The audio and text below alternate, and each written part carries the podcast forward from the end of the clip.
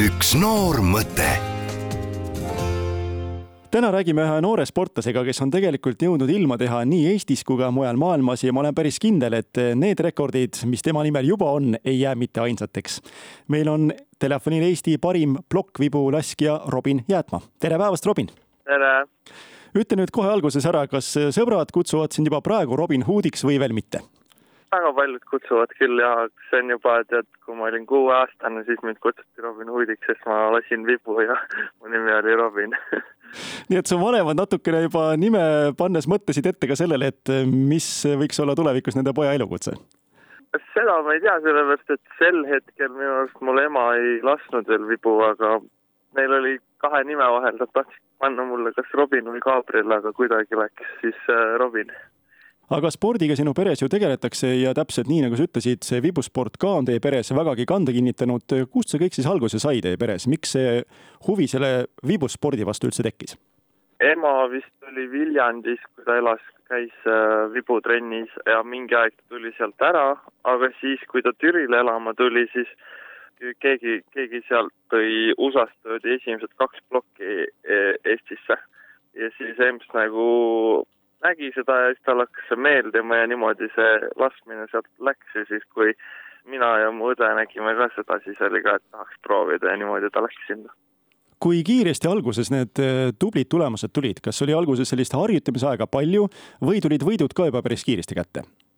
Eestis need eh, medalid tulid suhteliselt kiirelt, aga, aga nagu välismaal need esimesed medalid, sellega läks ikka kaheksa või kümme aastat kuskil seal aega, ennem kui ma medaleid seal võitma hakkasin. iga spordi juures ilmselt on selline positiivne pool ja midagi, mis pakub kohutavalt pinget, aga on sellist tüütut trenni poolt, et mis on selle vibulaskmise juures selline tüütum pool, et sa lähed ja mõtled, et see peab tehtud saama, kuigi sa väga ei naudi?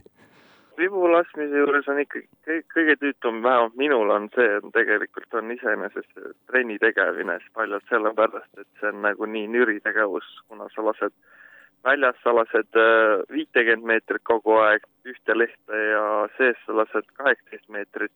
Ühte lehte, et sa ei nagu, iga trenn on täpselt sama põhimõtteliselt, et sa lähed ja sa lased kogu aeg, et see on niisugune asi, mis tüütab lõpuks ära, aga see on lihtsalt, sa tead, et see on asi, mida sa pead tegema, kui sa tahad heaks laskjaks saada. Ehk siis sinu päev ongi päriselt selline, et sa lihtsalt äh, sisuliselt äh, seisad, vaatad seda märklauda ja muudkui aga annad hagu jah, ma teen nagu kaks trenni päevas, et üks on nagu üheksast üheteistkümneni või kaheteistkümneni ja siis teine on neljast kuueni või vahepeal isegi kauem. Samas, kui vaadata sinu erinevaid tulemusi, sinu nimel on arvukalt Eesti rekordeid, sa oled juunioride maailmameister, sa oled maailma edetabelis üheteistkümnendal kohal, sa oled viis korda olnud Vibuliidu aasta parim noorsportlane, viis korda Vibuliidu aasta parim meessportlane. ütle, mis tiitel sul veel puudu on, mida sa veel tahad saada, mille poole sa hetkel üldse püüdled? Ma kindlalt tahaks saada täiskasvanute maailmameistriks, see on kindlalt üks asi, mis on, äh, mida ma tahan saavutada. Ja siis on ka meil on äh, niisugune võistlus nagu Vegases on niisugune kõige suurem nagu võis-, sisevõistlus.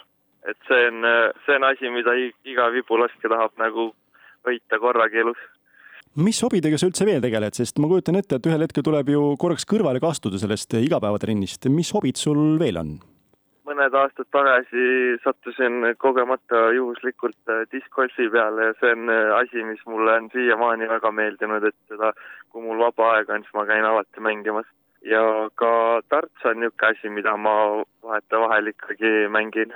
ma olen ise ka nagu seda tähele pannud, et mulle meeldivadki nagu spordialad, kus on nagu täpsust vaja, ehk samamoodi nii dartsis kui diskgolfis või vibulaskmises on seda täpsust vaja ja samas vist pakub sulle huvi omakorda ka kalalkäik ja isegi RC ehk siis puldiautodega oled sa tegelenud? ja need on ka jah, kalalkäik on niisugune hea asi, millega nagu, kus sa ei pea nagu väga mõtlema midagi, et sa saad lihtsalt äh, olla ja puhata oma ajusid ja äh, puldiautodega on sama asi, et see on äh, niisugune hea nokitsemine sa oled öelnud väga huvitava lause, et äh, eesti keeles võiks see kõlada nii, et kui sa iseend võitjana ei näe, siis ei suudagi sa võitjale väärilist sooritust teha. ehk siis sina oled ikka see mees, kes läheb alati võitma, mitte kogemusi koguma.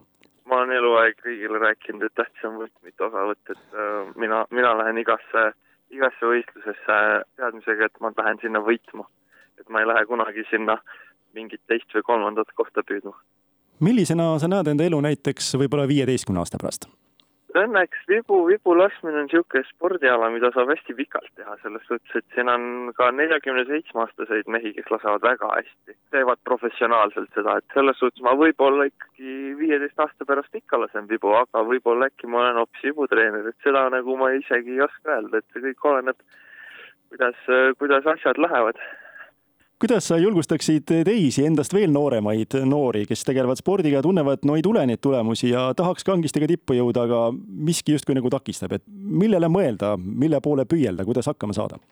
väga tähtis on see, et sa tegelikult naudiksid nii-öelda seda teekonda ka sinna, et enamustel ja nagu ka minul on see, et sa vahepeal jääd liiga kinni sellele tulemusele ja siis tegelikult kui sa kunagi spordi ära lõpetad, siis see teekond on see tegelikult, mis sulle, ma arvan, kõige rohkem nagu meelde jääb peab sihikindel olema, et väga palju on niisuguseid, kes tulevad alguses, näevad hästi palju vaeva ja siis näevad, et tulemusi ei tule, et siis lõpetavad ära, aga tegelikult ongi see, et just see, et sa sihikindlalt lähed kogu aeg edasi, et sa ei pea tegema kogu aeg kõige rohkem nagu trenni selles suhtes, aga kui sa teed kogu aeg trenni, siis sa lõpuks ikkagi, lõpuks need tulemused tulevad ehk siis sa käisid välja väga hea mõtte, et mitte alati tähtis ei ole see, et kuhu sa lõpuks jõuad, vaid tuleb nautida ka seda vahepealset aega, et see ei tohi ka olla mitte piin, vaid, vaid iga päev peabki olema see, et sa tunned, et sa tahad sellega tegeleda.